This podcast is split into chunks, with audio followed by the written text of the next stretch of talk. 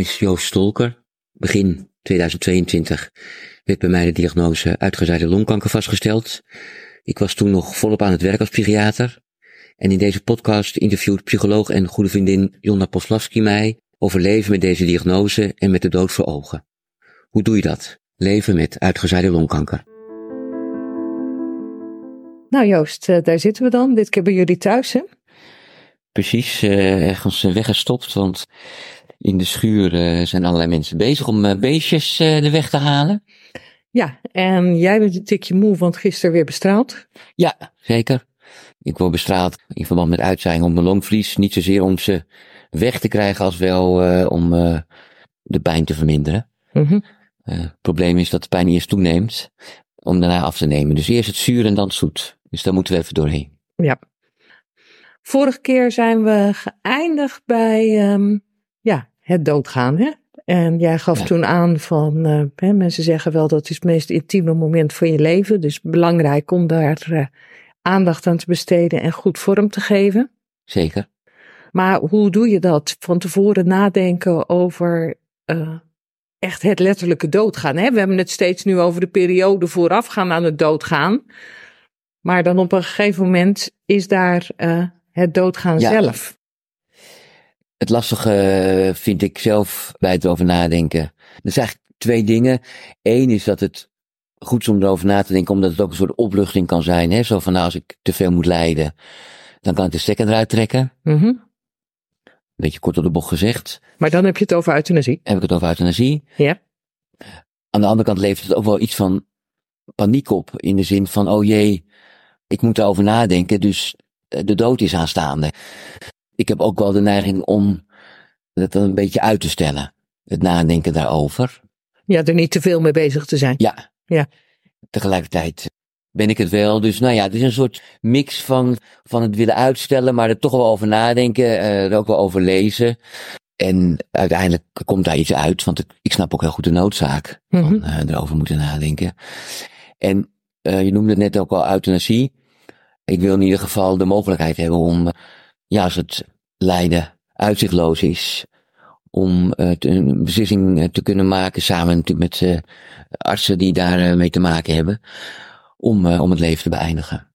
Ja, nou dat kan ik me voorstellen. Dat je op een gegeven moment denkt van ja, nu is er echt geen kwaliteit in het leven ja. meer, maar is er alleen nog maar lijden. Ja. Dat je dan op een gegeven moment denkt van ja, waarom zou ik dit nog ja. verder rekken? Precies. Ja. ja. Hoe staat Willem daarin? Ik denk heel erg hetzelfde als, uh, als dat ik er sta, in heeft ook, uh, hij zegt ook van, goh, ik hoop natuurlijk dat je zo lang mogelijk leeft, maar het is jouw beslissing uh, wanneer je vindt dat je, dat je het niet meer wil. Mm -hmm. En ja, of dat nou vroeger of later is, ik, dat moet ik respecteren, of dat zal ik respecteren. Mm -hmm. Nee, daar staan we heel erg hetzelfde in. Dat is nog niet iets wat we met de kinderen hebben, over hebben gehad. Nee, dat vroeg ik me af, Ja. Dat vind ik gewoon heel lastig. Ik weet wel dat we, we waren een paar dagen geleden eens aan het kijken hier in de, in de buurt naar een natuurbegraafplaats. Mhm. Want Willem eh, heeft aangegeven dat hij toch ook wel fijn vindt om een plek te hebben waar hij afscheid kan nemen of waar hij nog heen kan gaan. Nou, een natuurbegraafplaats is op zich natuurlijk wel mooi. En Floris eh, logeerde bij ons en, en dan zeg ik wel tegen hem uh, dat we zijn wezen kijken naar uh, begraafplaatsen. Want hij zag ook, uh, oh zei hij, ik zie een folder liggen over begraafplaatsen. Dus dat dan wel, maar dan wel een beetje op een wat luchtige manier nog. Ja. Terwijl zij er waarschijnlijk ook mee bezig Ja, zijn. Hè? Het ze zijn natuurlijk volwassenen. Ja, nee, daar zijn zeker mee bezig. Maar ik vind, het is emotioneel wel heel heftig. Ja. Dus dat, dat gaat ook zeker komen, maar het is, ik vind, vind het nu nog wel heel erg heftig. Dat, nou ja, dat blijf ik natuurlijk vinden, maar ja, we zullen ze er zeker in meenemen.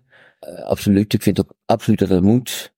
Maar ja, het is natuurlijk ook wel dat je denkt, oh, dan uh, gaan de sluizen wel erg open, om het maar eens uh, zo te zeggen. Het is Ja. heel verdrietig.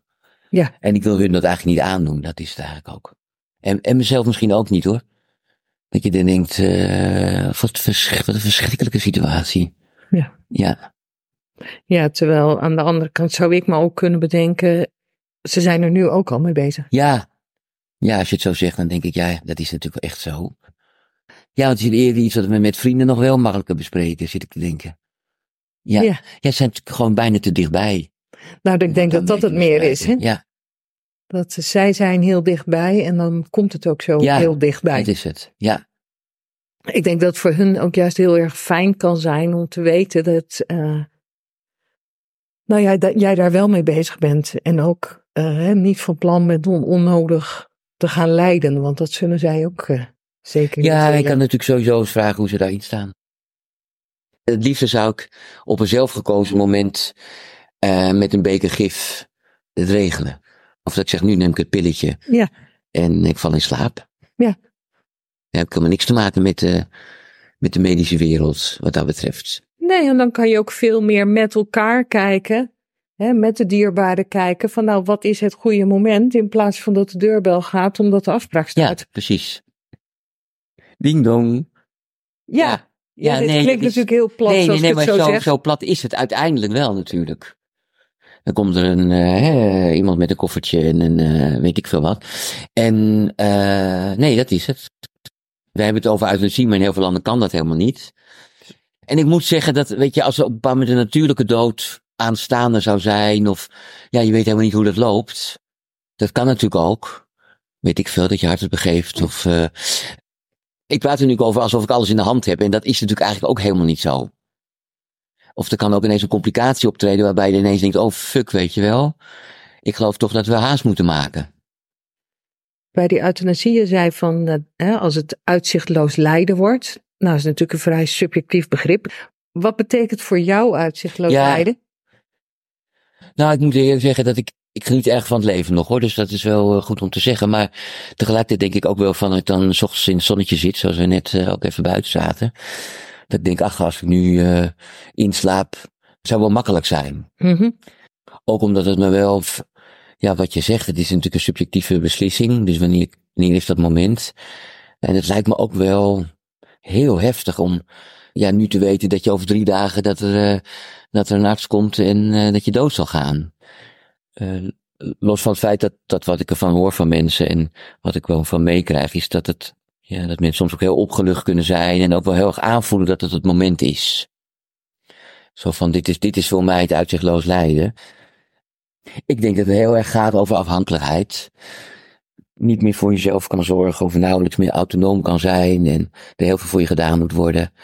Je, do- je doodmoe bent en pijn lijdt, ja, dan zijn het wel dingen dat je denkt, ja, waarom sleur ik me nog voort? eh? Dat is voor jou, dat is voor Ja, jou dat, daar, daar gaat het wel over. Ik kan me heel moeilijk nu voorstellen dat ik op bed lig en, en nauwelijks meer iets kan. En dat kan ik me moeilijk voorstellen, omdat ik me natuurlijk bijna niet wil voorstellen dat dat zo Mhm. is. En dat de mensen voor je moeten zorgen. En ik denk toch wat vreselijk. En ik denk dat dat wel een moment is dat je dan denkt van, eh, nou ja, weet je, dit, ja, dit wil ik niet. Nee, ook ja, zwaar voor jezelf, maar ook voor de omgeving. Maar weet je, kijk, als ik nu oxycodon gebruik, en dat doe ik dus eh, enkele keer, dan kan ik geen auto rijden. En dat vind ik al heel vervelend. Hè, dan, en natuurlijk kan je daar wel weer wat van vinden, dan ga je maken met de trein. Nou ja, als dat dan nog veel erger wordt, dat je echt van alles afhankelijk wordt van anderen, lijkt mij heel moeilijk om eh, daar nog levenskwaliteit bij te ervaren. Ja. Ja. Het is meer een worsteling in mezelf natuurlijk. maar in ieder geval is afhankelijkheid Ja. Een ding. en daarmee dus Ja. autonomie een ding. Ja, zeker. Ja. Wat Ja. voor jou gekoppeld is aan ondraaglijk lijden. Ja, zeker. Ja, en, en andere dingen natuurlijk als, eh, ja, je kan ook, ik denk wel van, eh, ja, je kan ineens, ik noem maar wat, een epileptische insult krijgen, omdat je uh, uitzaaiingen hebt in je hersens. 20% van de mensen met uitgebreide longkanker krijgen dat.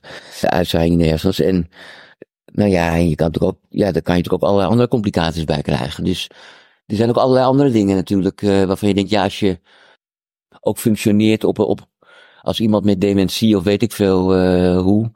Ja, dat vind ik ook wel een reden om. Eh dan kan je misschien zelf niet meer beslissen, maar dan dat een ander daarvoor beslist. Nou, dat betekent dus wel dat je alles goed geregeld Ja. moet hebben. Nee, dat moet je in de verklaring hebben gezet. eh. Ja, dat heb jij? ik heb die verklaring inderdaad geschreven, maar ik heb hem nog niet eh overhandigd aan de huisarts of iets. Dus dat moet ik doen. En dat stel ik een beetje uit ook dan. Ja, Ja. maar dat moet ik wel echt gaan doen. Ik vind het vervelend om het erover te hebben. Ja, nu. Ja. ja, eigenlijk wel. Want ik zie ook dat Ja. het je raakt. Ja. Ja, ik vind het een heel naar onderwerp. ook, ook het nadenken over wanneer het leven ondraaglijk is, dat vind ik dan, uh, is ook gewoon heel moeilijk. En ook gaat ook gepaard met een zekere vorm van paniek. Dat heb ik nu ook wel. Dan denk ik, ja, die tumor die groeit wel door. Mhm. Hè, want, want het kan wel bestralen, maar ja, dat is op een paar plekjes. En voor de rest groeit die tumor gewoon snel door. Daar hoef ik niet, uh, hoef je geen wiskunde voor gestudeerd te hebben om dat te weten. Dus er zal er weer een complicatie komen, of, dat zien we op de CT-scan uh, in oktober. En natuurlijk hoop je dat dan toch ineens die immuno aangeslagen is, of weet ik veel wat, maar die kans is heel onwaarschijnlijk. Dus er, schijnt wel wat paniek doorheen. Hoe gaat het verder? En mijn longoncoloog is eigenlijk de enige van wie ik het gevoel heb dat ik er echt over kan praten op een realistische manier. Uh, en hij ook aangeeft van, ja, het is nu nog heel surrealistisch, want je zit er gewoon heel goed bij. En, uh, nou ja. Maar ja, doen we maar een beetje lekker te gaan groeien. En het gaat ook op organen drukken. Ja. Bijvoorbeeld. En dan kan je toch heel snel natuurlijk je echt minder goed gaan voelen. Ja, dan kan het een heel ander verhaal worden. Dan kan een heel ander verhaal worden op vrij korte termijn ook. Ja. En dat paniekerige, ja, dat, ja, wij weten alle twee buiten ons vak dat naar paniek ga je liever niet toe. Daar ga je liever van af. Ja, zo. Het is een worsteling. Ja. Ja. En denk je er dan wel eens over na? Ja, dat is natuurlijk ook een afschuwelijk gedachte om over na te denken. Maar hoe dat er dan concreet uitziet op het moment dat je sterft? Nou, ik denk natuurlijk wel wie erbij zijn. Mm -hmm. Dat is eigenlijk heel simpel. Dat is dan uh, Willem en uh, twee kinderen. Mm -hmm. Zo min mogelijk mensen. Mm -hmm. Maar wel zo dierbaar mogelijk, laten we het zo zeggen. En, en degene die het dan doet. Dat stel ik me niet op een paniekerige manier voor trouwens. Dat, dat, het is eigenlijk daarom zeg maar dat het eigenlijk een mooi moment is. Ik denk dat dat heel belangrijk is. Dat het fijn is dat je het op die manier kan doen. Ja. En zelf ben ik bij uh, het overlijden van mijn broer geweest. Die overleed op een natuurlijke manier. Die wilde absoluut niet over uh, euthanasie nadenken. Voor zover ik weet. Hij ging onregelmatiger ademhalen. Met steeds langere tussenposes. Zoals dat gaat. Met een boel gereutel. En ik vond dat, ja, ik weet niet, dan glijdt iemand gewoon weg. En dat had niks engs, vond ik. Nee. Nee, nou helpt het wel, denk ik, dat ik ook natuurlijk arts ben en ook wel weet hoe dat gaat. Maar ik was ook heel blij dat hij overleed, moet ik zeggen. Ja. Ik dacht, het is goed geweest. En het is goed dat een einde komt aan het lijden. Dus daar op zich kijk ik eerder tegenaan op een manier waarvan ik denk dat dat kan iets moois zijn dan, dan dat ik daar angstig tegenaan kijk. Het is natuurlijk wel het ultieme moment van afscheid. Dat is natuurlijk wel heel heftig. Ja. Ja. Ja, je kan je er zo weinig Ja. bij voorstellen, hè? Dat Ja. je afscheid van, dat je afscheid neemt en En niet nou weggaat en niet meer terugkomt. Voor mij is het een heel ander verhaal dan voor de overlevenden. Ja. Voor de achter, mensen die achterblijven. Ja, zeker. De onomkeerbaarheid is voor ons toch lastig voor te stellen. Ja, Tenminste voor ons, voor mij in ieder geval, Ja. is die onomkeerbaarheid ontzettend lastig voor te stellen. ja, ik vergelijk het dan wel in mijn eigen hoofd met heel veel dingen weten we ook niet. Ook over het ontstaan van het heelal. En, en dan denk je ook ooit van er moet toch eerst een begin zijn geweest. Maar nou ja, wat ik er dan over lees, eh, zullen we zeggen, dat, dat, dat roept dan altijd weer heel veel vragen op. En, en dus, nou ja, dan denk ik ja, wij weten heel, heel, heel, heel veel niet. En, en ook over dit soort dingen, ja, dat gaat ons verstand gewoon te boven. Dat is een soort opluchting, hè, dat je denkt, ja, als je niet meer bent, ben je niet meer. Ja, zo. En het is tegelijkertijd voor ons ego natuurlijk best ingewikkeld. Ja. Hoe kan ik er nou niet meer zijn, hè? Zo. Wat, de- wat denk jij over na de dood? Daar heb ik natuurlijk best met mensen over gehad. Sowieso, hè, heb je daar wel En je hebt er vast een boek over gelezen. En je, ja, je hebt van die bijna doodervaringsboeken, hè. Laat ik zeggen, als er iets zou zijn uh, in de zin van.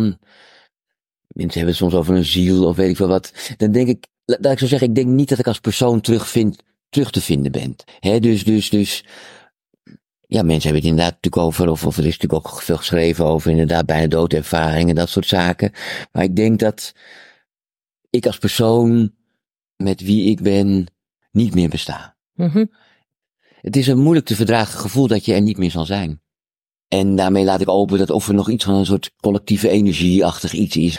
Klinkt heel vaag, maar, maar dat zou best kunnen. Maar ik geloof niet in de zin van uh, dat ik doorleef en dat ik dan uh, zeg: hey pap, hey mam, uh, wat leuk jullie tegen te komen. En dus ook niet in dingen als hemel, hel. Nee, nee, nee. En als je zo leest over die bijna doodervaringen, zijn er dan dingen in die jou geruststellen of troost bieden of dingen die juist angst aanjagen? Hoe, hoe is dat? Ik heb er uh, een paar weken geleden met uh, mijn oudste nichtje over gehad. Mm -hmm. Zij heeft uh, bijna twee jaar geleden haar man verloren na een langdurig ziekbed. Zij is best wel spiritueel en ja, zij vertelt wel heel mooi over het afscheid van haar man. En die dus doodging en die ook heel erg het gevoel had dat hij ook een andere energie voelde op het moment dat hij weggleed. Nou ja, dat zet me dan aan het denken. Dat vind ik dan eigenlijk heel leuk om, of, of, of mooi of fijn om het met haar over te hebben. Ja. Ja. Ik vind het wel een mooie, troostrijke gedachte dat, dat ons bewustzijn uh, gewoon blijft voortbestaan. Ja. En uh, die bijna doodervaringen zijn vaak ook heel mooi. Gaat vaak ook over opgenomen worden in een, uh, ja, een soort zee van, van positieve energie, van licht en liefde. En mensen beschrijven bij die ervaringen vaak ja, hoe gelukkig ze daarin ook waren. Je luisterde naar de podcast Leven met uitgezaaide longkanker door Joost Tolker en Jomla Poslawski.